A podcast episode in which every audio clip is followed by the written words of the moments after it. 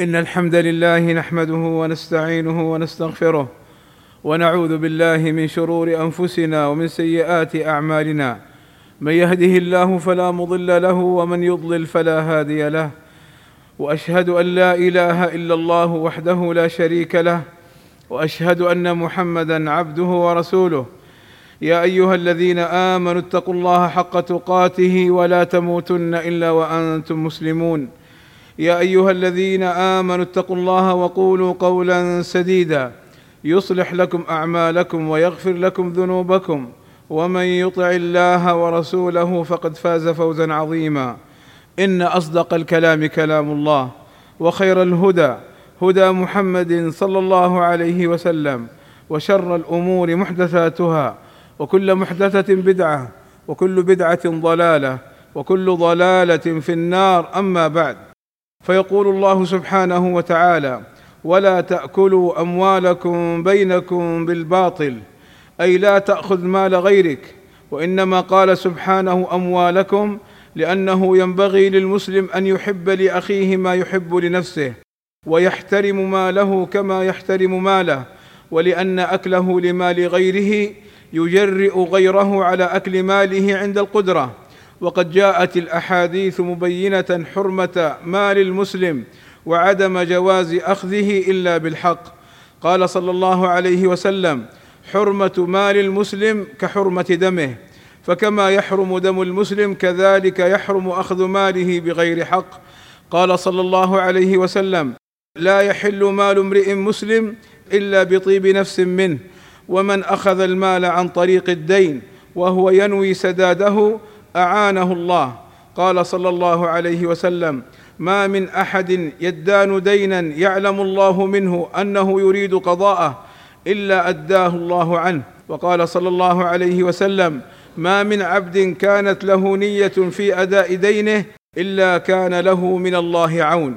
وكان صلى الله عليه وسلم يستعيذ بالله من غلبة الدين أي ثقله وشدته على صاحبه. فكان صلى الله عليه وسلم يقول اللهم إني أعوذ بك من الهم والحزن والعجز والكسل والبخل والجبن وضلع الدين وغلبه الرجال.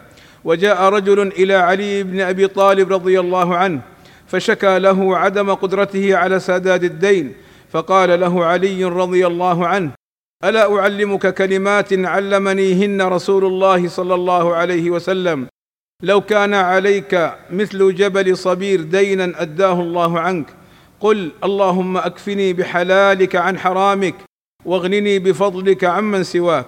ونفس المؤمن قد تكون معلقة أي محبوسة بسبب دينه. قال صلى الله عليه وسلم نفس المؤمن معلقة بدينه حتى يقضى عنه. وقال صلى الله عليه وسلم إن أخاك محبوس بدينه فاقض عنه. بل أخبر صلى الله عليه وسلم أن الشهيد يغفر له كل ذنب إلا الدين.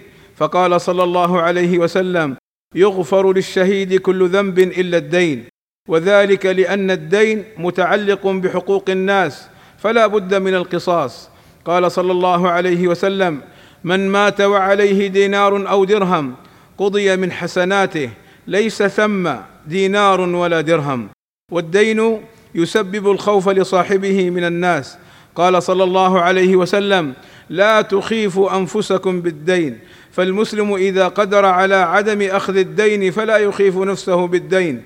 ومن استدان دينا فليحسن في رده. قال صلى الله عليه وسلم إن خياركم أحسنكم قضاء. وقال صلى الله عليه وسلم إنما جزاء السلف الحمد والوفاء.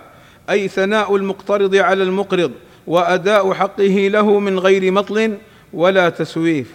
والله أسأل لي ولكم التوفيق والسداد وأن يغفر لنا الذنوب والآثام. إنه سميع مجيب الدعاء.